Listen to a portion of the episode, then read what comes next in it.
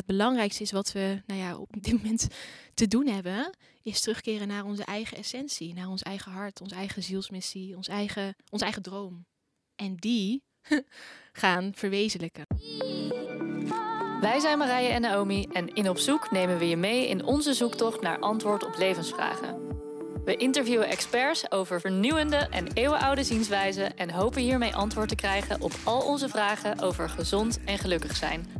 We hebben het over hypnose, Ayurveda, vorige levens, Reiki, cultural appropriation en nog veel meer onderwerpen waar je stiekem meer over wil weten, maar niet met iedereen over durft te praten.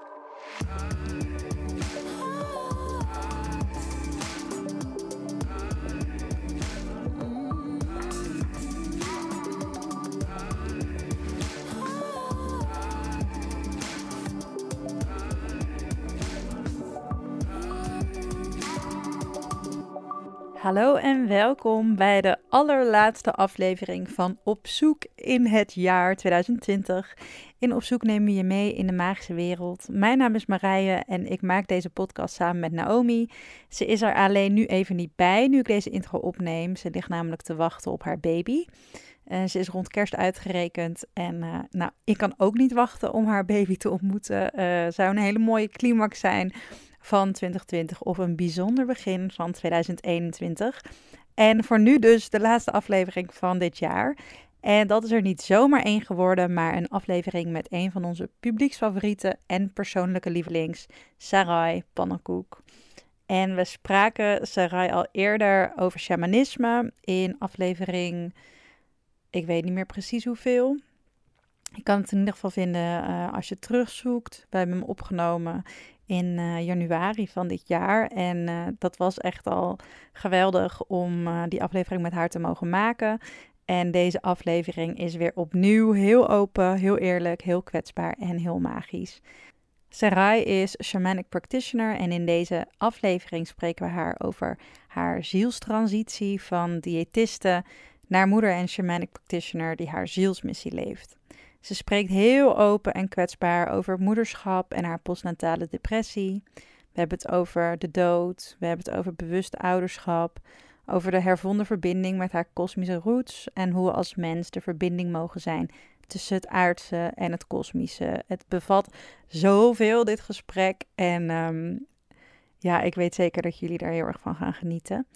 En uh, een paar weken geleden heb ik van Sarai een prachtige shamanic healing session mogen ontvangen. En dat was zo bijzonder om deze krachtige dame aan het werk te zien en te mogen ervaren. Dus dankjewel, lieve Sarai, voor wie je bent.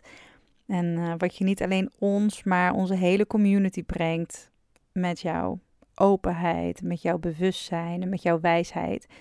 En wij zijn gewoon zo dankbaar dat we deze gesprekken mogen voeren. En we hopen dat dit open gesprek jou ook sterkt om zelf te delen over deze onderwerpen. 2020 loopt op zijn eind um, en ik heb heel veel zin samen met jullie te gaan uplevelen naar 2021. Het wordt een heel bijzonder jaar voor op zoek, waarin veel van onze dromen werkelijkheid zullen worden. Dus ik ben mega excited daarvoor. En ik wil jullie nogmaals bedanken voor het luisteren, voor al jullie support, voor het doorsturen van afleveringen, voor de mooie reviews en de prachtige berichten die jullie ons sturen, voor het enthousiasme op onze evenementen en tijdens onze online programma's. 2020 was. Um, ondanks dat het natuurlijk een uitdagend jaar is geweest, voor ons vooral ook heel erg, uh, heel erg tof. Omdat we ja, de community gewoon steeds meer hebben mogen zien groeien. En uh, nou, op zoek maken maakt me gewoon een, een rijk mens. En met jullie mogen verbinden nog veel rijker. Dus we nemen jullie heel graag gauw mee in alle nieuwe plannen die er aankomen. En voor nu wens ik je heel veel plezier met het luisteren naar deze prachtige aflevering met Sarai Pannenkoek.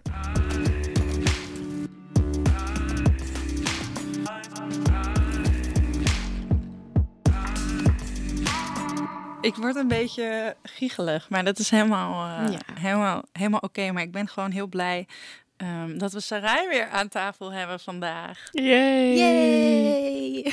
Want we hebben natuurlijk in um, januari met jou een podcast opgenomen over shamanisme. Als je die nog niet hebt gehoord, ga nu eerst luisteren. Het is fantastisch. en um, nou, sindsdien hebben we natuurlijk contact gehouden. Jij en Naomi in dezelfde mastermind groep. En ja, we dachten we willen sowieso weer een keertje met Sarai kletsen en iets opnemen, omdat er dan gewoon magie ontstaat. En ehm, wat je zelf ook al zei na die vorige aflevering, is dat onze gidsen en teams ook gewoon zo blij waren dat wij bij elkaar waren. Ja. En dat we samen eh, iets konden creëren. Dus dat gaan we vandaag ehm, lekker weer doen. Ja. We waren echt high de vorige keer. ja, echt high. Ik vind dat Paul binnenkwam, dat Paul dacht van... Wow, what happened here? We hebben een podcast opgenomen. Zo heel onschuldig. Leuk. Zo leuk. Maar Sarai, hoe eh, wil jij je trouwens eerst even voorstellen aan de luisteraar voor de mensen die, eh, die jou nog niet kennen? Ja, eh, nou, mijn naam is Sarai Pannenkoek. Ik eh, ben sinds vijf maanden moeder van eh, Zoe. En eh, ben getrouwd met Paul, woon in Amsterdam. En ehm, ik ben shamanic practitioner. Dus ik eh, geef in mijn praktijk shamanic soul sessions. Eh, sessies waarmee ik eh, ja, voor de ziel werk van de cliënt. Ehm, ik heb ook nou ja, heel veel andere dingen gedaan. Diëtetiek, epidemiologie, noem maar op. Maar dat ben ik nu echt aan het afronden. Dus ehm, ja, vooral, ik ben vooral moeder nu op dit moment. En dat vind ik heel bijzonder. En Mooi. hoor ik daar dan ook goed in dat je dus eigenlijk van je meer ehm, normal day job naar echt het ehm, leven als shamanic practitioner en spiritueel. Ja, ik denk, ik denk dat je nog beter zo kan zeggen dat vanuit het hele rationele werken en het hele wetenschappelijke werken heb ik nu ongeveer een transitie. Ik zit er nog deels in hoor, maar transitie van ongeveer drie jaar om daar echt helemaal uit te stromen. Ehm, ja, om, om eigenlijk een beetje daar de balans in op te maken. Ik denk dat dat wat meer is. Dat ik de balans opmaak en dat ik nog steeds wel mensen coach, maar veel meer vanuit ehm, ja, gewoon het totaalbeeld. Veel meer kijk van waar zit jij in jouw proces en hoe kan ik daaraan bijdragen? Met energiewerk, maar ook met coaching sessies. En veel meer die integrale benadering daarin opzoek. Eh, anders dan dat ik voorheen deed met voedingsadviezen uitwerken en wetenschappelijke artikelen schrijven en dat soort dingen. Dus veel meer, nou eigenlijk de andere kant op. En dat past nu heel goed bij mij, omdat ik natuurlijk ook net moeder ben geworden. Ehm, ik voel ook gewoon, ik kan ook niet meer haasten. Ik, ik heb dat nooit echt goed gekund, maar nu al helemaal niet meer. Haasten, ik weet niet, ja, dat lukt gewoon niet. Ik zit gewoon helemaal op een heel erg vertragende pace te werken, te flowen. En ik, I'm all good with it. Ja, dus dat is een beetje die verandering wel die eh, heeft plaatsgevonden inderdaad. En de dingen die dus daarbij passen, die gebeuren. En de dingen die niet meer passen, die kunnen Ja. Achter Ja. worden gelaten. Ja, precies. Ja, het, ik krijg heel goed door dat, dat ik echt heel veel eh, ja, taken die ik voorheen heel logisch vond om te doen, dat ik die, ja, ik voel daar gewoon minder verbinding mee. En dat is voor mij dan ook meteen, nou, dus mag ik het gaan afronden. Want ja, je prioriteiten worden gewoon anders als je moeder wordt, wat heel fijn is. En eh, ik, ja, die kans heb ik gewoon met twee handen aangegrepen om daar goed naar te kijken van, wat wil ik dan nog doen? Hoe wil ik nog bijdragen aan deze wereld? En dat is dus wel bepaalde knopen echt doorhakken en eh, dingen afsluiten. Ja. mooi. Ik wil zo meteen nog meer weten over wat er allemaal in dat transformatieproces Hmm. heeft plaatsgevonden. Maar even voor de luisteraar qua tijdlijn. Wij hebben jou gesproken in januari. Toen was je vier maanden zwanger. Ja. Nu is Zoe vijf maanden. Ja. Ik ben nu acht maanden zwanger. ik heb superveel aan jou. Het is echt mega fijn voor mij om een, een net eh, ehm, moeder in mijn omgeving te hebben. Hmm. Ehm, Oké, dus dat is even qua tijdlijn. En kan je die transitie wat meer omschrijven? Waar je dan, want je had het over drie jaar. waar Ja. je doorheen bent gegaan. Nou, het mooie was, ik was in eind 2017 ging ik naar Brazilië voor, ehm, nou ja, eh, om diamondwerk te doen. Dus dat is dan de kerk van waar ook ayahuasca wordt geschonken, of waar ayahuasca wordt geschonken. Ik ben daar vijf weken in de community geweest samen met Paul en nog wat andere mensen. En ehm, daar kreeg ik door dat ik naar een astroloog moest, Jan Bartelsman. Dat is de astroloog. En ehm, daar ging ik in januari naartoe, in 2018. En hij zei, nou, eind 2020, dan ben je, doe, je helemaal volledig wat je hier op aarde komt doen. Dan zit je helemaal in je ja, eind van je transformatie en dan sta je er. Nou, zo voelt het ook. Dat is heel erg bizar. Maar eh, toen ben ik eigenlijk heel onbewust dus echt een hele transformatie ingestapt. Van waar ik eerst dus in de topsport werkte, wetenschapper was, in verschillende consortia meedeed, subsidieaanvragen schreef, noem maar op. Ehm, ja, ben ik eigenlijk daar helemaal uitgestroomd. En shamanisme kwam- op mijn pad. eh, ging daar een opleiding in doen. Ehm, nou, ja, het is eigenlijk heel organisch zo ontstaan. Eh, en die transitie waar ik dus nu heel erg in zit, is zowel het afronden van gewoon mijn ja, soort van ehm, x aantal jaren transitie waar ik dan in zat. Echt voor mijn ziel. Om echt veel meer vanuit mijn zielsmissie te kunnen leven. En tegelijkertijd natuurlijk ook die enorme transformatie die ik denk dat het ook dat heeft aangezwengeld. Transformatie het moederschap. dus de zwangerschap, corona die langskwam. Waardoor ik, uh, nou, mijn mother blessing ging niet meer door. Echt heel veel. Ik moest, ja, ik ben best wel op mezelf, maar daardoor kwam ik nog meer in een groter vacuüm, zeg maar, terecht. Want ik ben gewoon heel graag alleen. Maar daardoor, um, ja, nog meer op mezelf gebleven. Heel rustige zwangerschap gehad. Heel rustig, nou ja, de baring ging een beetje anders dan gepland, maar helemaal oké. maar daarna ja, viel ik in het moederschap. En dat heeft me zo overweldigd. Um, dat daar dus nog een hele ja, diepgaande, transformerende um, periode eigenlijk voor mij aanbrak. Die ik eigenlijk niet voor ogen had kunnen zien. Maar die wel is, heeft plaatsgevonden en nog steeds plaatsvindt. En ja, ik ben daar heel dankbaar voor. Dat dat zo op die, op die manier is gegaan. Het heeft me heel erg gesterkt, zeg maar. En sterkt me nog steeds elke dag. Elke dag is nog steeds een soort van practice om bij um, mezelf daarin te blijven. Bij die versie van mezelf die ik al ben maar die nog even wat oude dingetjes op mag ruimen. Kan je iets meer vertellen over de afgelopen vijf maanden? Ja, ja dus de afgelopen vijf maanden, ik werd moeder.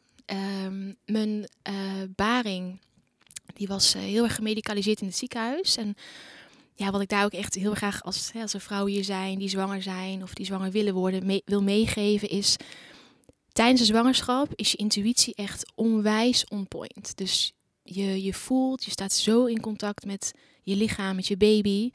En daar kan niemand anders iets over zeggen. En de wetenschap en de, medische wereld hier, die hebben echt wel wat richtlijnen. En die hebben heel veel kaders hoe dat een zwangere ja, eigenlijk erbij zou moeten zitten. Maar uiteindelijk gaat het om hoe voel jij je en wat voel je dan? En als je daarmee in contact kan komen, dan is dat de belangrijkste raadgever die je hebt tijdens je hele zwangerschap, want niemand kan daar iets over zeggen. En ik ben helaas, ik had een hoge bloeddruk de, vanaf vier weken voor de uitgerekende datum. Hogere bloeddruk. Maar ik wist gewoon van ja, ik, familiair is dat bij ons in de familie zit dat gewoon. Ik heb normaal geen hoge bloeddruk, maar ik ben normaal super fit, super gezond. Uh, er is niks aan de hand. Um, en toch heel veel in het ziekenhuis gezeten de laatste paar weken.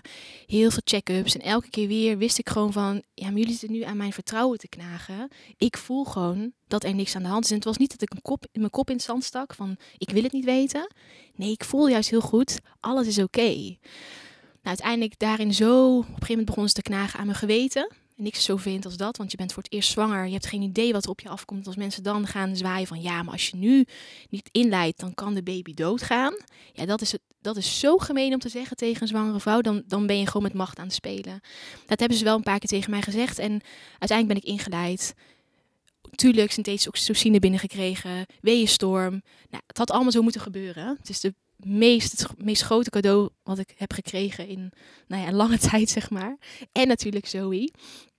Uh, maar goed, toen viel ik in het moederschap. En uh, ja, ik heb gewoon alle kenmerken van een postpartum depressie. Al heel lang. En het duurde voor mij heel lang om dat te erkennen. Het duurde voor mij heel lang om te erkennen dat het gewoon eigenlijk helemaal niet goed gaat. Dat ik heel erg struggle met het moederschap, met onzekerheden, met angst, met uh, het idee dat je het niet goed doet.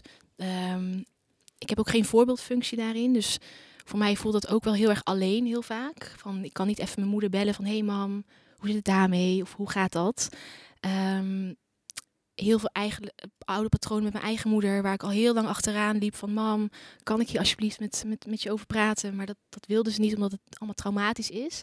Ja, het komt allemaal naar de surface. En dan moet je ook nog moeder zijn, borstvoeding geven... aan jezelf denken, keiveel eten, want borstvoeding... Um, en dat was gewoon heel erg intens. En die, ik denk dat ik nu sinds een maand heb mogen erkennen van het gaat niet oké. Dus ik heb ook hulp gezocht, al wat therapie gehad. Mm, en dat heeft het heel erg doen optillen. Dus ik kan er heel erg nu omarmend naar kijken. Het helemaal, er helemaal doorheen gaan. Door alle emoties die daar zitten. Alle woede, alle frustratie. En ik weet, het is niet het, frustratie, het frustrerende van borstvoeding geven. Of van überhaupt mijn allerliefste, mooiste dochtertje. Maar het zijn allemaal oude emoties die nog eruit moesten. Die er nog allemaal gezien wilden worden. En nou, deze fase triggert dat. En ik ben dus alleen maar heel erg blij met deze super clean-up. Maar het is wel heel pittig. En ehm, ik denk dat dat ook echt de transformatie is die ik nu, ja, waar ik nu helemaal doorheen ga. En waarin ik ook heel erg voel dat het grotere plan, wat Spirit met mij voor heeft, wordt, dient zich al aan. Dus elke keer weer krijg ik terug, vertrouw maar, vertrouw maar, it's okay. Wees niet te streng voor jezelf, it's okay. Je faalt niet, it's okay. En de hele tijd krijg ik gewoon die warme deken van Spirit van, je bent goed bezig, maar we willen wel dat je dit op deze menselijke manier ervaart. Je mag hier doorheen. Het is je grootste les. Het wordt je grootste cadeau uiteindelijk. En dat uh, voelt heel, um, ja, heel sacraal. Heel heilig. Gewoon heel... Echt als een nieuw, een tweede kindje wat erbij ligt. Want ik mag ook voor mezelf zorgen als babytje. Ja. Wat prachtig hoe je dat vertelt. En ik kan me ook voorstellen dat dit dus voor um, moeders um, heel fijn kan zijn om te horen omdat dit, wat jij ook al zei, natuurlijk wel een onderwerp is waar nogal een taboe op ligt. Um, dus wat zou je willen zeggen tegen moeders die net zijn bevallen en struggelen met angsten of depressieve gevoelens of andere symptomen? Ja, dus een beetje, ik denk dat het meer laags is. Hè? Dus aan de, aan de opperste laag uh, zit daar heel erg in dat het er mag zijn. Dat, dat die emoties zijn er om gevoeld te worden. Dus uh, reken jezelf ook niet op af die emotie komt en gaat weer. Dus die wil je wat laten zien, die wil je wat komen vertellen. Dus op de oppervlakte zou ik zeggen, omarm het. Omarm die, ne die negatieve gedachten, die depressieve gevoelens, die angstige gevoelens, omarm ze. Op een dieper niveau zou ik zeggen, probeer het bespreekbaar te maken met mensen uit je omgeving. Dus voor mij bijvoorbeeld was het heel erg belangrijk dat ik in de kraamtijd heel erg met mijn gezin was. En in de eerste 30 dagen is er letterlijk anders dan de kraamzorg en de verloskundige is er niemand langs geweest. Omdat het voor mij heel erg was, ik moet energie managen. Ik wil alleen maar energie managen, want ik, ja, ik wil gewoon echt mijn, ik kon mezelf zeg maar net staande houden. Dus ik wilde ook zijn voor mijn familie, voor mijn gezin, voor onze baby. Um, en daarmee heb ik wel mensen voor het hoofd gestoten die eigenlijk het anders zouden zien. Hè? Want het is eigenlijk heel normaal dat na de tweede dag al, weet ik veel, allemaal familie op de deur op, op de stoep staat en langskomt. Mm, maar wat ik dus mee wil geven is ook, wat, waar, heb je, wat, waar ligt jouw behoefte? En durf je dan ook je behoefte daarin uit te spreken, wetende dat je misschien mensen voor het hoofd gaat stoten. Maar dat is echt om jezelf, om jouw energie te managen. Dat zou ik als tip geven. Um, en ook maak het bespreekbaar. Ik heb er vijf maanden mee gewacht, nou vier, ma vier maanden mee gewacht. Omdat ik dacht, nee, dit overkomt me echt niet. En nee, ik heb gewoon even een slechte nacht gehad. Daarom ben ik zo super depressief. Heb ik ja, ik, zelfmoordgedachten. Waarvan ik weet dat ik het nooit zou doen. Maar wel zo fysiek aanwezig in mijn lichaam. En dat ik echt denk van, waar komt dat vandaan? Waarom wil ik hier niet op aarde zijn? Maar dat ik meteen ook weet, dit is dit, dit is ook weer van mijn baby zijnde. Toen wilde ik er ook niet meer zijn. Ik heb een super onveilige hechting gehad. En pas toen ik het ging bespreken met mensen en zei van ja, ik denk dat ik, ik, heb het gegoogeld en ik kan op alles ja vinken.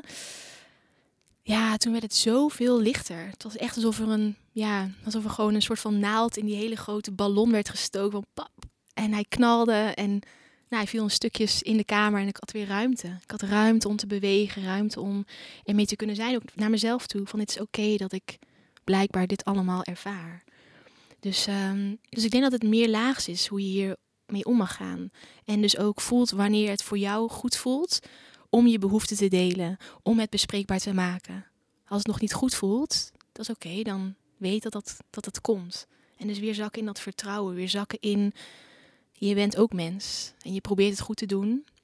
En elke moeder is anders, elke baby is anders, elke afstemming tussen moeder en baby is anders, elke afstemming tussen moeder, vader en baby is anders. Dus mensen kunnen met de best bedoelde tips voorbij komen. Alleen het gaat om wat voel jij? Voel je dat dat voor jou gaat werken? Kijk naar je baby. Zal het werken voor je baby? Um, en misschien dus ook, en dat is wel heel diep wellicht, maar wat zegt je baby? Ik praat heel telepathisch met Zoe. En daardoor heb ik echt ook bepaalde keuzes gemaakt die ik ook niet echt kan verantwoorden. Maar ik, ik weet gewoon dat dit, dit is gewoon hoe we het doen. En uh, niemand in mijn omgeving deed het op die manier. En dat is helemaal oké. Maar ik weet gewoon dat zij daar het beste uh, nou ja, op gaat. En dan doen we het. En dan zien we dat het werkt. Dan denken we, nou, oké, dat had geen één boek aan mij kunnen vertellen. Geen één moeder. Kun je daar een voorbeeld van geven? Nou, als je leest, dan lees je bijvoorbeeld dat baby's mogen niet op de. Die, die mogen als je. hè, we hebben een co-sleeper, nou die hebben net aan jou even cadeau gedaan. Ehm, maar ehm, Zoe is eigenlijk gewoon helemaal geen rugslaper. Dus eh, dan leer je van de kraamzorg, baby op de rug. En ergens voelde ik al van ja, maar ze komt uit een super beknelde, warme baarmoeder waar ze helemaal opgerold zit. En dan moet ze meteen, dag twee, dag drie en al, elke dag daarna, op haar rug liggen. Wat doet dat met die organen? Die organen zijn toch zo gewend om nog heel erg geborgen te liggen. En natuurlijk kun je inbakeren, maar zelfs dan is het nog steeds een recht, een recht wezentje. En eh, nou goed, we deden het, want dat moest allemaal. Het was gevaarlijk om een baby op de buik te leggen. En ergens, ik weet niet, Paul en heftige buikslapers altijd geweest. Ik denk, ja... Maar goed, je wordt helemaal bang gemaakt. En ehm, uiteindelijk hebben wij de eerste drie maanden... Zij heeft elke nacht, elke middagdutje, elk, elk slaapje... heeft ze op één van ons geslapen, op haar buik omdat we te bang waren om haar in een bedje op haar buik te leggen. Omdat daar word je helemaal plat mee gegooid van... ehm, ja, dat is gevaarlijk en ik heb wie gedood en noem maar op. En op een gegeven moment zei ik van... Nou, weet je wat, we kunnen op vertrouwen dat als zij die ruimte wil... dat zij die ruimte wel pakt. Op een gegeven moment stopt dit. Ik weet dat, zeker dat... Want dat zeiden mensen dan... Ja, maar je kan je kind niet zo lang op, de, op jouw buik laten slapen hoor. Dat, eh, dat, dat hou je echt niet vol. En ik dacht... We houden het net zo lang vol totdat zij aangeeft... Ze wil ruimte. Dat, ik hoorde dat gewoon. Van mam, ik wil straks ruimte. Vertrouw er maar op. En ehm, op een gegeven moment, het ging niet meer lekker. We hadden een paar van die onruste nachten waarin zij gewoon haar draai niet meer kon vinden. Wij ook niet meer. We leggen haar letterlijk op haar buik in ons bed nog. Nou, de meest goede nachten volgden. En dat was zo magisch. En, en nou ja, zeg maar dat je baby een buikslaper is en dat ze op je buik in jouw bed slaapt. Nou, dan krijg je allemaal mensen die zeggen, oeh, oeh, wat doe je nou? Oeh, moeder, dat kan niet. En nou, noem maar op. En nou, dit was de afstemming. En, en ook voor het, ja, toen, dat zei ik ook net, hè, vertelde hiervoor. We legden op haar buik en ze legde haar armen zo wijd. Dat ik echt dacht, yes girl, dit is je ruimte die je wilde. Alsjeblieft, take it all. Papa en mama gaan weer in een hoekje liggen, het is oké. en dat was helemaal goed. En nu ze is zo'n buikslaper. En ja, het, elk kind ontwikkelt zich op, op een eigen manier. Daar, we hebben, je hebt wel richtlijnen, je hebt gemiddeldes, maar ja, wat, doen, wat zeggen die gemiddeldes nou echt over het individu? Niks. Ja, het is zo mooi dat je dit zegt. Want mijn hypnobirthing juf, die, ehm, die zei dit ook van slapen als je aan iedere moeder individueel in een ruimte waar er niemand meeluistert zou vragen, is je kind wel eens bij jou op de borst in slaap gevallen? Dan Ja. zegt iedereen ja. Ja.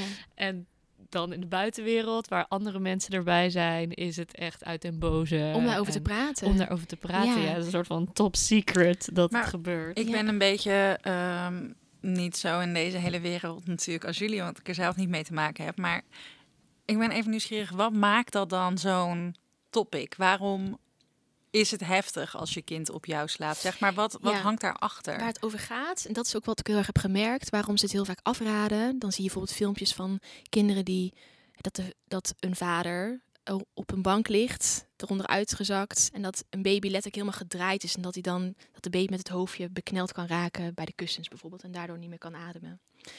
Dus, maar waar het heel erg om gaat is, als je goed bent ingetuned met je ene- eigen energie, met de intentie en met je baby, dan slaap je per definitie niet super vast. Je, je zal echt slapen. Je wordt wakker als het babytje beweegt. Je reageert daarop. Zelfs de vaders. Want daar, daar wordt ook helemaal panisch over gedaan. Van ja, laat de baby niet in bed slapen bij de vader. Want de vader maakt niet die hormonen aan.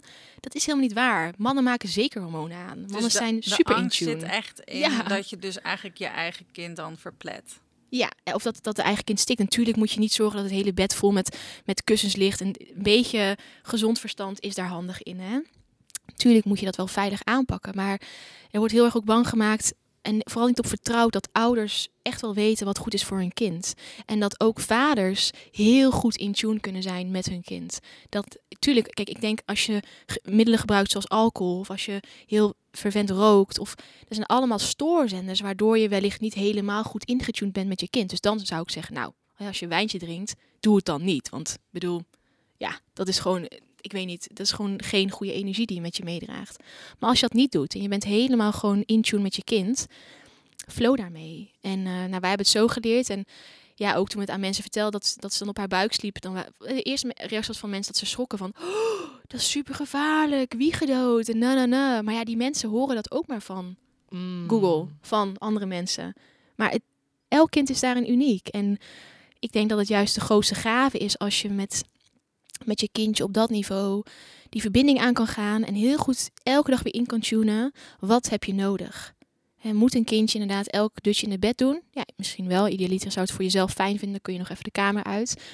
Maar ja, als dat niet is en het is in de draagzak, dan is dat ook oké. Als het op, ja, zoek, zo- zie wat, wat daarin voor jou werkt. Maar probeer niet weer in een patroon te vallen dat dat weer dan het nieuwe is. Maar probeer elke dag weer verbinding te maken van, klopt nog wat we doen?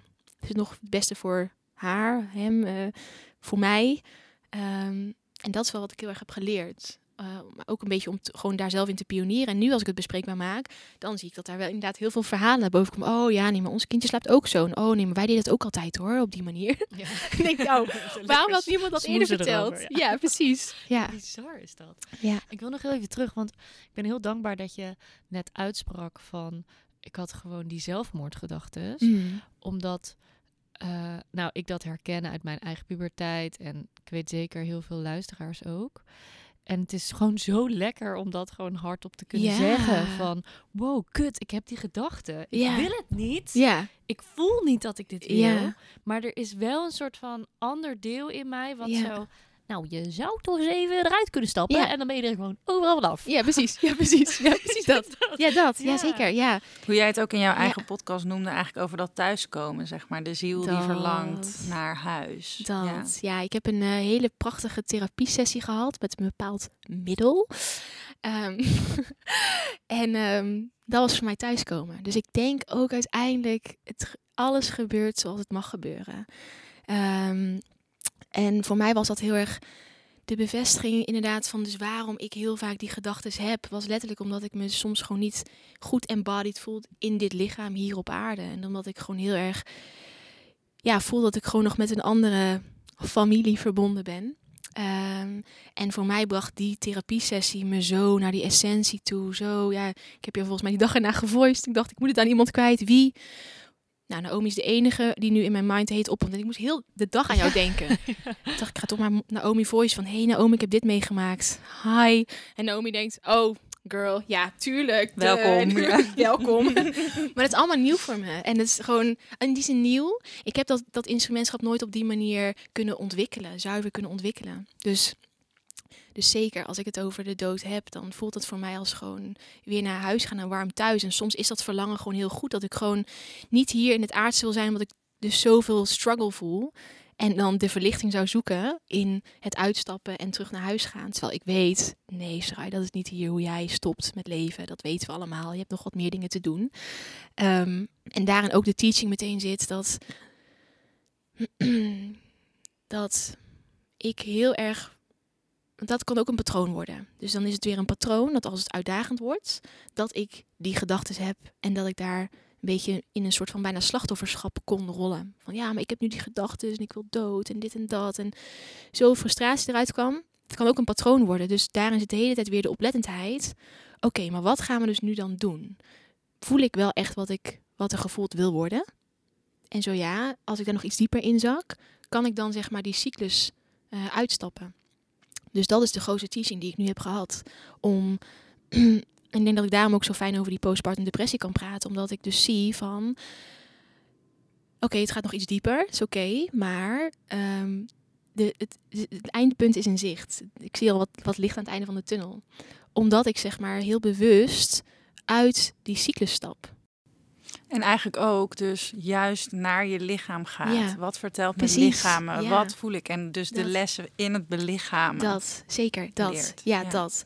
Ja, en voor mij is het ook wel echt dat, dat ik echt wel ook echt voel dat ehm, door middel van, vanwege mijn eigen onveilige hechting, heb ik al op heel eh, ja, mega jonge leeftijd ehm, heel, heel diepe angsten gekend. Heel diepe onveiligheden. Heel erg het verlangen gehad dat ik dood wilde. Dat is iets, een gedachte die ik eigenlijk altijd mijn hele leven met me meedraag. Altijd al. En ik denk door nu daar nog iets dieper naar te kijken, voel ik gewoon van dit is gewoon de meest pure baby in mij. Die met die nog geen woorden kon geven aan deze gevoelens, maar wel wat zij op heeft gepikt uit haar omgeving. Mm. Wat zij toen voelde. En nu kan ik er echt doorheen en dat herbeleven, hervoelen en, en die baby wiegen. Hé, hey, je bent veilig. Je bent veilig. Ik ben er. Je bent veilig. Dus dat is de grootste ja, teaching en, en het meest sacrale cadeau wat ik in de afgelopen vijf maanden. Nou, oké, niet het meest. Natuurlijk is Zoe dat. Maar net als Zoe, dat ik haar kan, kan wiegen.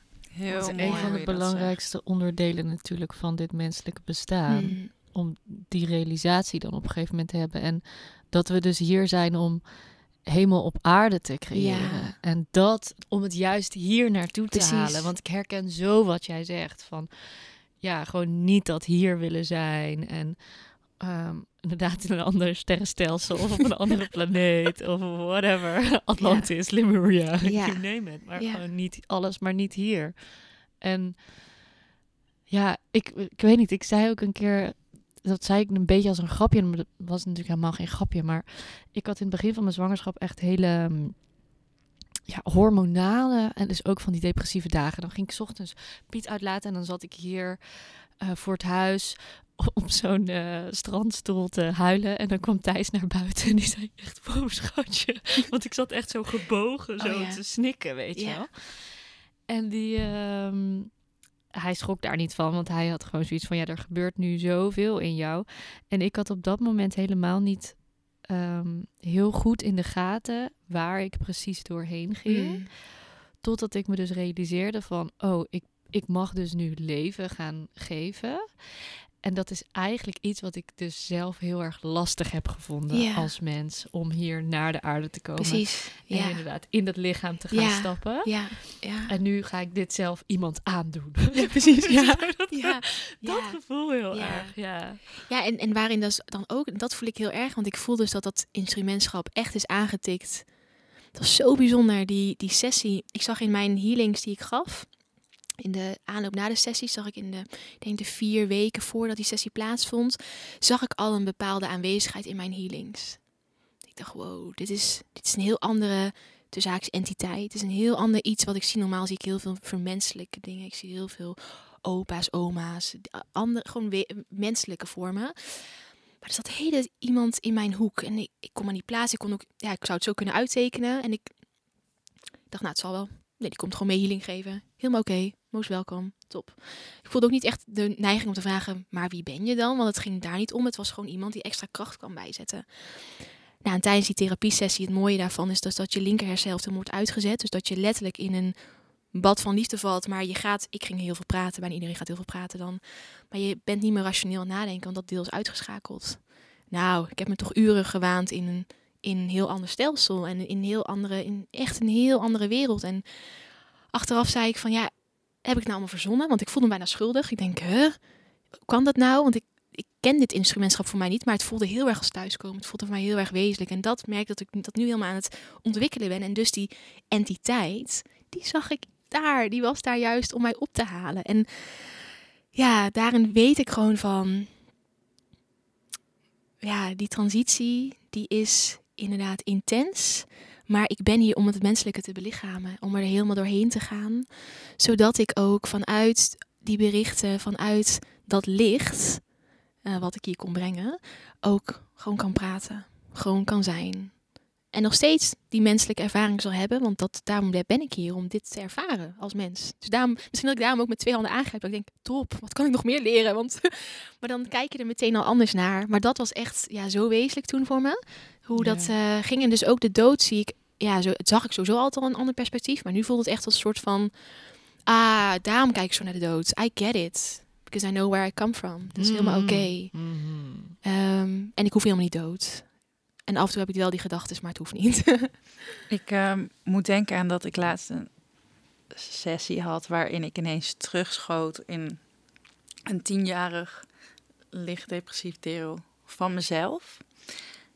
En dat ik dacht, wow, als ik er nu aan terugdacht, dacht ik heel erg van, wat is mijn situatie hier op aarde, waarom ik me zo voelde. Maar daar ging het helemaal niet over. Het ging gewoon over kunnen aarden, kunnen landen, hier moeten zijn, hoe dat is, welke gevoelens daarbij horen, et cetera, et cetera, weet je wel. ja. En ehm, ik weet niet, dat maakt het voor mij ook dat ik omdat met de opleiding die ik doe, en zo kijk je ook natuurlijk heel veel naar familiesystemen en al dat soort dingen. Maar dit was echt even iets van, van mij Van en mijn ja. ziel. Van weet je wel, dit is iets wat ik mag leren, waar ik doorheen mocht. Even los van wie dit of dat of zus of zo heeft gedaan of zo. En dat vond ik toen ook juist zoiets ehm, opluchtends. En dat, ik gewoon wist van. Er, er is zoveel meer, er is zoveel meer verbinding. Het is er allemaal, het is er allemaal. Maar het is, weet je wel, ik heb het wel gedaan. Ik ben wel hier en ik ben het nu aan het doen of zo. Dat, ja, dat is de bedoeling. Ja. Het is de bedoeling dat we het menselijke ervaren in het hele spectrum. Dus van een super fijne meditatie, bijna trance-state-achtig, tot aan de meest heftige emoties die we kunnen zien, de meest menselijke vorm die we daarbij kunnen aannemen om dat helemaal te doorvoelen. Dat is de bedoeling. En dat hele spectrum ownen. Ja. En dus ook echt te leven. Wat Ja, natuurlijk ook leven. alleen kan op het moment dat de, de dood ook een onderdeel is van jouw leven. Zeker. Ja. Ja. ja, zo zie ik het ook echt. Ja. Ja, en als we het dan hebben over die zielsmissie. Gisteravond hadden wij de afronding van het eh Coven-programma Hello Soul voor op zoek. En nou, het waren 16 vrouwen en eh, we hadden echt een joy, joyful, hoe zeg je dat? Joyful afsluiter. Ehm, waarin iedereen dus zijn zielsmissie van tevoren op moest schrijven en dan voor moest lezen. Oh. Dus dat was natuurlijk heel.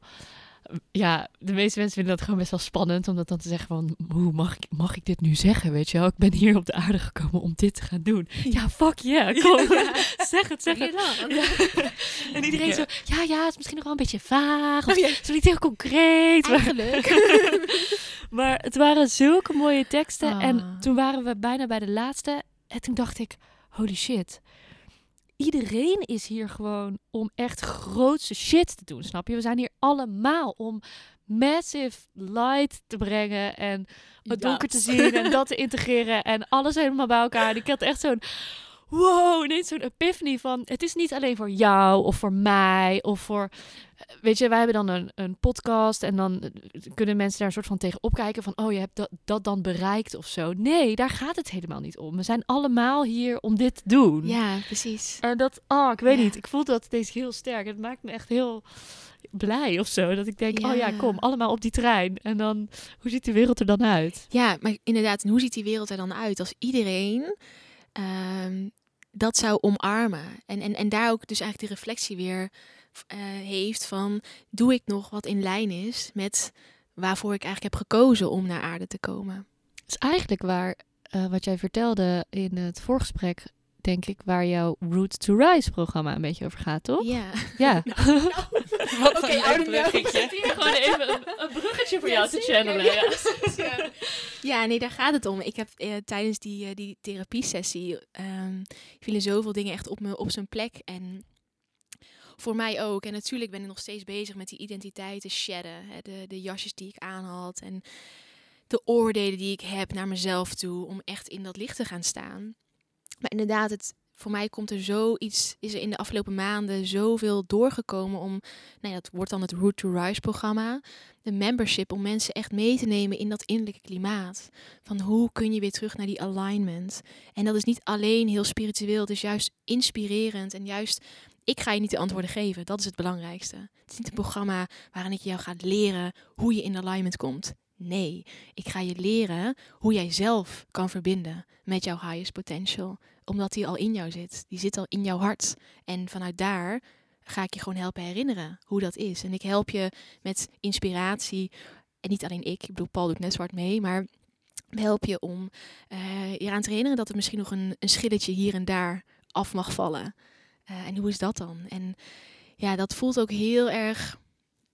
eh, ik heb natuurlijk verschillende programma's gedraaid en allemaal met onwijs veel passie en, en enthousiasme, omdat het dat op dat moment de bedoeling was. Maar het Root to Rise programma voelt voor mij echt als een, ehm, ja, als een, ehm, ja, een rebirth in ook wie ik ben en hoe ik mensen mag begeleiden. Niet meer zoals dat ik weet wat je moet eten. Because I don't know. Ik weet niet wat je moet eten. Ja, je mag plantaardig eten. Je mag ook van mij kip eten. I don't care. Doe vooral wat voor jou goed voelt. En kun je dan naar jezelf, kun je dat ook omarmen? Kun je je oké voelen dat, ook al ben je misschien een, heb je gekozen om als veganist te, door het leven te gaan, durf je ook op een gegeven moment zeggen: Oh, maar wacht, ik heb eigenlijk wel behoefte aan kip. Kun je dat ook van je omarmen en dan wel kip gaan eten?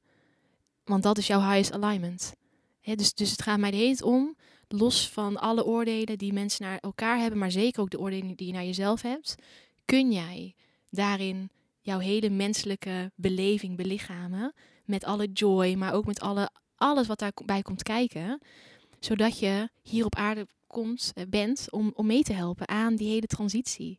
Aan, ja, ik, ik praat niet zo heel vaak over 5D, omdat het voor mij eigenlijk heel normaal is om van, vanuit dat hart, en dan niet alleen het hart, maar juist die vibratie van het hart te leven. En, en als mensen, ja, als we dat met z'n allen doen, dan gaan we beter voor onszelf zorgen. Dan gaan we beter voor de planeet zorgen, veel beter voor de omgeving. Maar het, heet, het komt allemaal eerst op onszelf neer, op onze eigen um, beleving. Ja, en het is eigenlijk gewoon een heel erg natuurlijk gevolg of zo. Precies. Ja, ja. ja en daarom, hey, ik, ik had laatst ook zo'n, of ik heb eigenlijk al heel vaak die inzichten, maar ik durf het gewoon vaak heel niet zo te zeggen. Dat is ook weer omdat ik natuurlijk zo gewend ben om vanuit een bepaald wetenschappelijk paradigma te, alles te zien. En vanuit de wetenschap, ja, dan sprak ik wel heel vaak andere onderzoekers. Ja, was ik gewoon een beetje aan napraten, want zij had onderzoek gedaan. Ik had dat gelezen en dat zei ik dan. Dus het was een beetje echo, zeg maar, van wat er dan was bewezen. En nu voel ik heel erg steeds meer dat ik die authentieke voice die ik heb, uh, nou ja, mag uitspreken. En ik had zo'n mooi inzicht over we hebben alle mensen hier op aarde nodig om tot die hemel op aarde te komen. Dus we hebben een Trump nodig, we hebben een Rutte nodig, we hebben mensen nodig um, die ons allemaal steeds weer uitdagen om te vragen: klopt dit nog wel? En waar klopt het dan? In je hart. En steeds meer mensen zijn, daar, die zijn daarmee bezig. En ik denk dat dat het, ja, het belangrijkste is wat we nou ja, op dit moment te doen hebben, is terugkeren naar onze eigen essentie, naar ons eigen hart, onze eigen zielsmissie, ons eigen, ons eigen droom. En die gaan verwezenlijken, onze droom. Um, dus ja, daar gaat Root to Rise over. Maar goed, ik heb nog niet eens, ik heb niet een pagina. Ik ben nog helemaal, het zit allemaal gewoon uh, allemaal in de eten. Ik heb alles wel allemaal opgeschreven en ik zie al heel goed voor me. Maar het voelt ook daarin, ik, I cannot rush it. Het komt eraan. Uh, maar ik heb eerst nog mijn eigen werk te verzetten. En um, nou ja, moeder zijn en noem maar op. Dingen af te ronden. En dan weet ik zeker dat ja, het komt wanneer het komt. Maar, uh, maar ik voel hem heel goed in... Um, ja, hij is gewoon heel erg aanwezig. Uh, hij, zij, ik weet niet, het. gewoon heel erg aanwezig in mijn veld. Ja. Ik ben nou wel heel erg nieuwsgierig geworden. Je liet net even vallen uh, dat je een ervaring had gehad met sterren of je sterrenfamilie. Kun je daar iets meer over vertellen? Ja, um, nou misschien is het belangrijk te weten dat het totaal nieuw voor me is. Dus dat ik ook nog maar, dat zal zijn, een maandje in dit gegeven aan het zweven ben. Letterlijk aan het verkennen ben. Um, maar inderdaad, uh, tijdens die therapiesessie uh, ja, kwam ik letterlijk thuis. Ja, ja, zo voelde het gewoon echt. En dat was voor mij heel wezenlijk. En um, ja, kwam ik echt thuis in, op de plek waar ik gewoon vandaan kom. En dat is niet op aarde. Dat is echt ver, ver, ver in de sterren. En um, ja, wat zo bijzonder was, was dat ik tijdens die healings, tijdens de healings voorafgaand aan die therapiesessie al ja, een bepaalde aanwezigheid zag, die ik niet echt kon plaatsen, maar waarvan ik dacht van nou, die komt gewoon mee kracht geven. En dus ik voelde ook niet op dat moment om te vragen van ja, wie ben je dan? Wat voor kracht kom je geven? Maar ik, ik werk dan gewoon met die krachten. En uiteindelijk zag ik dus die aanwezigheid die gewoon zijn armen opende van hé, kom maar hier, dochter, je bent thuis. En um, ja, ik zag in één keer ook gewoon wat die multidimensionaliteit, wat het inhoudt. Ik zag vormen, ik zag zoveel, ja, zoveel dingen die ik eigenlijk met woorden niet kan beschrijven. En dat merkte ik ook in de laatste paar weken voorafgaand aan die sessie. Kon ik heel vaak mijn reizen, mijn transreizen voor cliënten, mijn healings, kon ik niet in woorden meer beschrijven. Omdat het zo abstract was en ik alleen maar op een heel diep niveau kon voelen wat er was. Maar zelfs met woorden kon ik het gevoel niet goed overbrengen. Dat ik echt dacht, wow, geef me even de tijd om even te kijken wat hier dan nu uitgesproken wil worden. Dus het werkte al zeg maar voorafgaand aan die therapiesessie. En in die therapiesessie vielen er zoveel puzzelstukjes op hun plek. En dat ik echt ook voelde van, oh wauw, ja, ik heb eigenlijk heel veel, heel veel andere berichten gemist in de afgelopen jaren. Die ik op die manier zo nu kan interpreteren. En um, ja, dat ik dat dat gewoon heel erg voelde als mijn, mijn oorspronkelijke thuis. En dat het ook heel gek voelde, omdat ik natuurlijk zo erg met het shamanisme bezig ben. En zo erg met het aardse, met ehm, hier, eh, de grond, eh, de bomen, de planten. Heel erg eh teruggaan in de lineages. Hoe deden onze voorouders het hier op aarde? Maar dat ik nu heel erg voel dat er dus een portaal is opengezet. En het is echt nog, het voelt echt als een mega kleine ontkieming. Diep in de aarde. Zo van... Ehm, maar dat ik dat nu mag gaan voeden. Om echt daarmee, zeg maar, dat, dat spel aan te gaan tussen het aardse en het niet-aardse. En daarin te mogen belichamen wat er dan door mij heen wil. En wat er dan ehm, gecreëerd wil worden. Met behulp van die lichtstralen. En wat er dus eigenlijk ontstaat op het moment dat je dus gewoon aarde en kosmos Ja, een soort van pakt en gewoon een mens. precies dat. Wow. Ja, dat, dat. Ja, het was ook zo'n fijne herinnering. Het, was, het voelde in, in die therapiesessie ook helemaal niet als gek, maar het voelde zo warm. Het was zo erg thuiskomen. En ook hoe ik die figuren zag en de, de, ja, de vormen, zoals ik dan nu met het woord vorm er vorm aan mag geven. Het was zo herkenbaar dat ik dacht, de, tuurlijk zie ik deze dingen zo. En kan ik er geen woord aan geven, want er is geen woord. We komen niet met woorden naar aarde woorden zijn aards. Maar we komen uit een veld waar we op een hele andere level, op een heel andere resonantie met elkaar communiceren, met elkaar zijn, met elkaar verbinden. We zijn verbonden. En ja, dat was ja, zo magisch. Als ik er weer aan denk, dan denk ik, oh, het was echt thuiskomen. Het is helemaal zo. Ja, echt, echt. En, en nu zie ik dus heel veel, ja, de maan. De maan kwam ook al zo lang terug in mijn, in mijn reizen. Dus ik, wanneer ik eh, ruimte maak, dan eh, nodig ik, ja, ik nodig zeg maar krachten uit, maar vaak dienen krachten zich ook gewoon aan. En dan, ik, ik doe het gebed hardop, zodat de cliënt ook weet welke krachten er in de ruimte zijn om deze reis te ondersteunen. Ik doe dat helemaal hardop, dus echt om ruimte te maken. En de maan kwam zo vaak voorbij. En dan de dankbaarheid die eruit rolde. Ik dacht, nou, ik, ik heb niks met de maan tussen haakjes.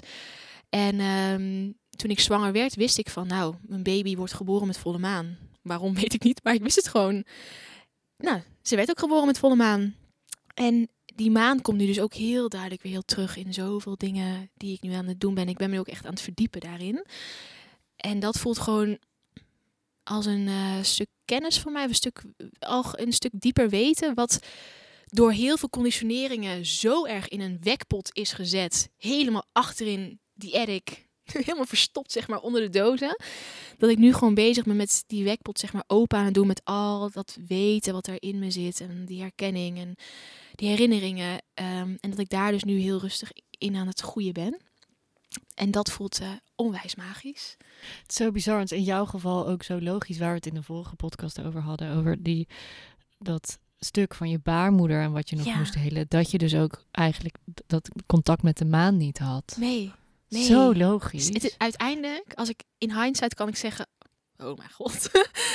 Je kan gewoon echt een heel, een heel parcours uittekenen van hoe dat dan samenkomt. En, en, en ook toen ik naar Peru ging en daar dus contact maken met, maakte met mijn Divine Feminine, Sacred Divine Feminine. Ik heb daar zoveel getekend. En ik zal die tekeningen erbij pakken. Maar die tekeningen, dat waren allemaal berichten die ik doorkreeg. Ik tekende manen. Ik tekende alleen maar bepaalde ja, codes ik, ik, ik was gewoon letterlijk met een geodriehoekje en met alle rondjes die ik maar kon vinden, alle cirkels, die was ik dan aan het omtrekken. Dat ik dacht, dit zijn de goede diameters en noem maar op.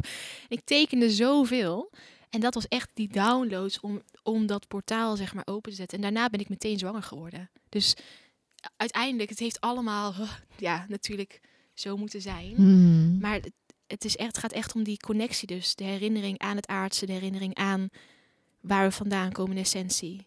En ja, de mind gaat daar wat vin- van vinden. Maar dat is onze conditionering. Dat is de conditionering vanuit het christendom, wat zo erg hier in deze hele samenleving nog steeds zit.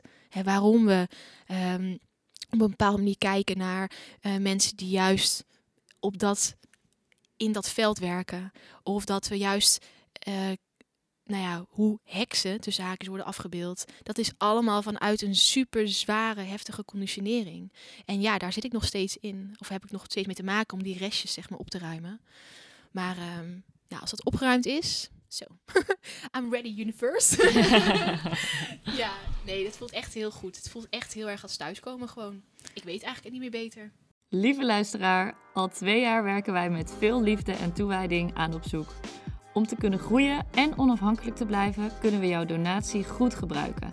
Deze donatie zorgt ervoor dat we onze tijd kunnen steken in het creëren van mooie afleveringen en het uitbouwen van op zoek als platform en community voor persoonlijke en spirituele groei. Voor jouw donatie van 7,77 euro per maand gidsen wij je door het magische en spirituele landschap in de Opzoek Coven. De Coven is de plek voor luisteraars die op zoek zijn naar meer magie, meer diepgang en meer verbinding. Meld je nu aan via de link in de show notes en word lid van de Coven. En je vertelde ook dat je dus uh, ineens een beeld had van wat multidimensionaliteit betekent. En ik denk dat dat voor heel veel mensen gewoon altijd iets heel abstract is en dat iedereen daar wel een soort gevoel bij heeft. Maar kan je eens vertellen wat dan nu jouw Ja, met woorden. Is? Ja, kijk, ik denk dat ik die multidimensionaliteit al vaker heb aangeraakt in de transreis die ik maak. Dus wanneer ik een shamanic soul session geef, dan ben ik letterlijk een uur lang in een diepe staat van trance. En maak ik ook vaak contact met, met andere entiteiten die mij dat laten zien. Dus die in een soort van lichtblauw grit. Ja, ik moet bijna denken aan een soort van Matrix-film of zo. Of in ieder geval zo van. Of nee, vroeger keek je dan 24 of zo. En dan hadden ze altijd zo'n tafel. En dan kwam in één keer zo'n 3D-bericht uit of zo. Dus zo zag ik altijd al dingen. Andere entiteiten, entiteiten, aanwezigheden. Maar voor mij multidimensionaliteit was bijvoorbeeld dat ik een ja, dit is zo gek, want het, dat, ik weet dat die woorden gewoon niet kloppen. dus dit voelt een beetje gek, alsof ik nu in hele gekke woorden iets vertel. Maar ik zag dus een, bijvoorbeeld, een gouden bal. Waarvan het, het was geen bal. Een bal die de vorm heeft, dus de materie heeft van de ronde van een bal. Een gouden, dus je kan je voorstellen een gouden voetbal. Maar het was ook vloeibaar. En het was ook luchtig. En het was ook... Mm, ja, het, ik kon eigenlijk niet geen woorden aan vinden, maar het, is, het was zeg maar dus van verschillende... Het was ook niet goud. Dus het had heel veel verschillende kwaliteiten. Het had heel veel verschillende eigenschappen. Ja, dat, die multidimensionaliteit, het, het is zeg maar de micro in de macro, de micro in de macro, de micro in de macro. En de hele tijd die shift, waarbij je bijna het zelf kan zien als je in de bal zit. Dus ik zag de wereld vanuit de sterren. Maar ik zag ook de wereld die vanuit binnenuit uh, vorm werd gegeven. Uh, ja, nou, ja. Ja, als ik eh, voor mij was dat dat ik echt dacht: dit zijn zoveel dimensies in één. En ik heb het dan nu over die bal, omdat ik die helemaal heb geobserveerd. Omdat ik echt dacht: van hoe ga ik dit ooit aan het thuisfront vertellen wat ik heb gezien? nee, dat kan dus niet. En maar, die, maar dus die bal, zoals ik hem zag, dat voelde voor mij echt als dat was voor, mij de verbinding. Met, met dat stukje van, van dat balletje ben ik ook naar aarde geschoten, zeg maar. En ook heb ik ook de intentie gezet om naar aarde te komen, om hier dingen te doen. En dat is dan ook weer een fijne herinnering, als ik dus die zelfmoordgedachte heb. Van, oh, maar wacht, ik kwam hier echt met een... Ik wilde heel graag geboren worden. Ik, ik heb zoveel ervoor gedaan om hier weer terug naar aarde te komen. Want ik heb nog echt een mm. bepaalde missie hier. En daarna kom ik ook niet meer terug, dat weet ik ook. Dit is de laatste keer. Je kunt nu nog alles van me. Weet je, ik doe nog, nu nog alles hier op aarde, maar daarna kom ik niet meer terug en ga ik naar een ander. Ik ga naar iets ergens anders naartoe. En dat zag ik ook daar heel duidelijk. En dat weet ik ook in mijn hart. Van ik weet dat ik nu mijn laatste, als ziel zijn, mijn laatste menselijke taak hier te volbrengen heb. En daarom voel ik ook die intensiteit. Daarom voel ik ook de soms gehaastheid dat ik denk, oh, ik moet nu dit neerzetten. We hebben het nu nodig. Maar dus door human design weet ik van, het is oké, het komt. Het komt. Don't rush it. Je voelt het echt wanneer het het juiste moment is. Je mag reageren op het leven. Dat, ja. ja dat. Dus dat is een, ja, zo mooi hoe dat samenkomt uh, allemaal. Oh, ja. Oh ja. oh, het is grappig hoe jij het omschrijft. Want ik zit nu te denken hoe ik het dan zie. Maar bij mij zijn het meer een soort... Alsof het uh, lagen zijn van een flat. Oh ja. Snap je dan, snap je dan wat ik bedoel? Ja. Maar dan dus wel hologram. Ja. Ja, ik heb ook hologram. Dus hologram is ook, zit er ook in. Ja. Zit er ook in. Maar daarom is het zo moeilijk te beschrijven, omdat ik gewoon voel dat ik voel ook dat de frequentie van de woorden waarmee ik het wil uitspreken, die, die zijn zo laag ja, ten opzichte van wat, wat dat was, dat het, dat het bijna ik doe gewoon geen eer aan als ik het probeer te beschrijven. Mhm. Omdat ik het, de hele frequentie van dat ding afhaal. Als ik het met volgens woorden mij beschrijven. gaat het meer ook over hoe het voor jou voelt. Dat, ja, en maar zelfs in die gevoelens kan ik geen woorden geven. Ja. Omdat het, dat is de vermenselijking hier. en daar Het is gewoon zo. Het is wat het met jou heeft, dat is wat het met jou heeft gedaan, maar Ja. dat is niet wat het is. Is dat. Ja, precies dat. Oeh, Ja, die is ja dat is het. Ja, nee, echt hoor. Ja, zeker. Ja, Ja. ja. want ik voel gewoon, ik kan het ook niet beschrijven. Daarom, ik voel ook gewoon, ik was altijd al bezig met woorden, maar nu, ja, na die hele sessie, oh, ik, woorden, woorden, woorden. Gewoon, ik probeer zo min mogelijk, steeds minder kritisch te, te kijken naar de woorden die ik gebruik. Omdat ik gewoon ook in die sessie voelde wat de kracht is van woorden, maar vooral ook de frequentie van woorden. Ja. En, en hoe je dan eigenlijk juist met minder woorden meer kan zeggen. Als je ruimte overlaat voor ehm, de stilte tussen de woorden. Omdat dan die frequentie gewoon hoog blijft. Ja, en wat, wat jij net zei, Marije, van om, het is natuurlijk voor iedereen anders. Zeker, Want ja. we zien het allemaal anders. Ja, En dat blijft zeg maar de, de grootste mindfuck de hele tijd. en ook het mooiste. Want Wat daarmee is kleuren, waarheid? we- maar, maar daarmee kleuren we wel het hele palet. Mhm. Anders hebben we allemaal groen.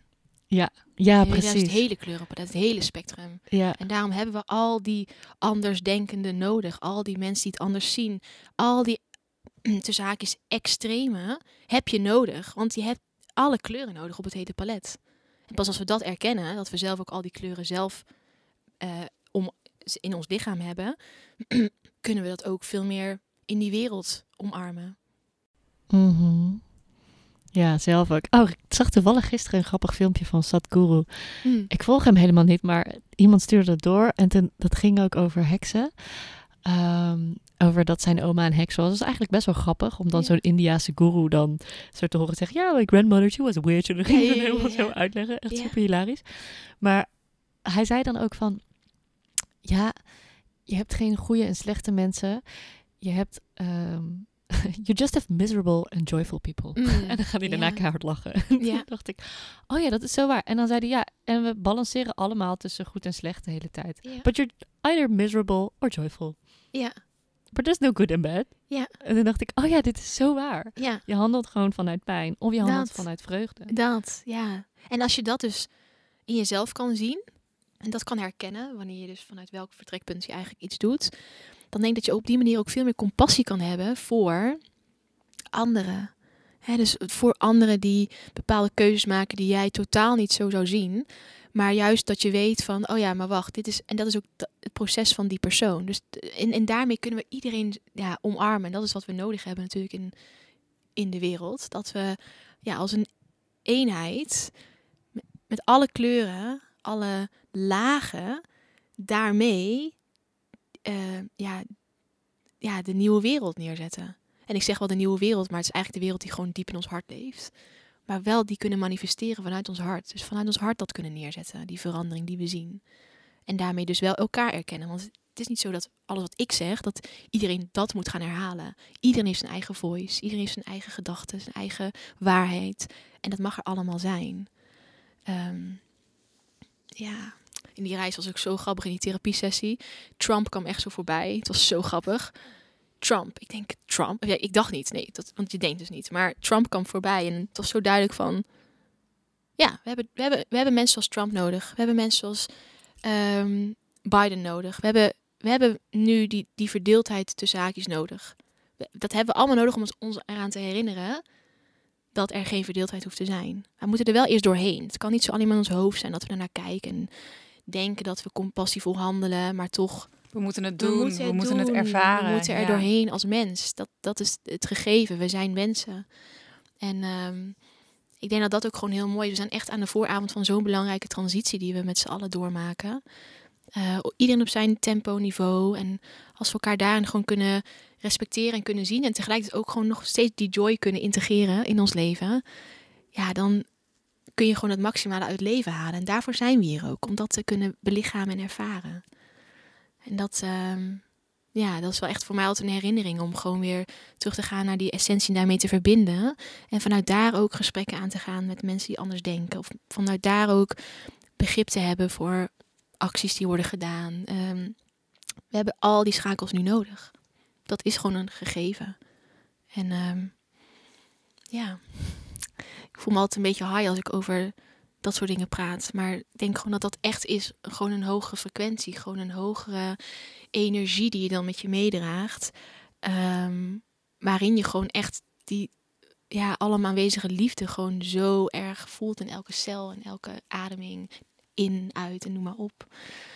Dus, ik vind dat eh, ook zo mooi dat ik gewoon al weet dat ehm, wanneer iemand dit luistert, dat die ook dat gaat voelen. ik hoop het. Let us ik know. hoop het. Let us know, ja, let us know. Het zijn allemaal herinneringen, hè, dus eh, ja. Dank je wel, Sarai. Ja, Voor dit mooie gedaan. gesprek. Ja, ja, jullie heel erg bedankt. En eh, ook aan alle luisteraars bedankt voor het luisteren. Dankjewel.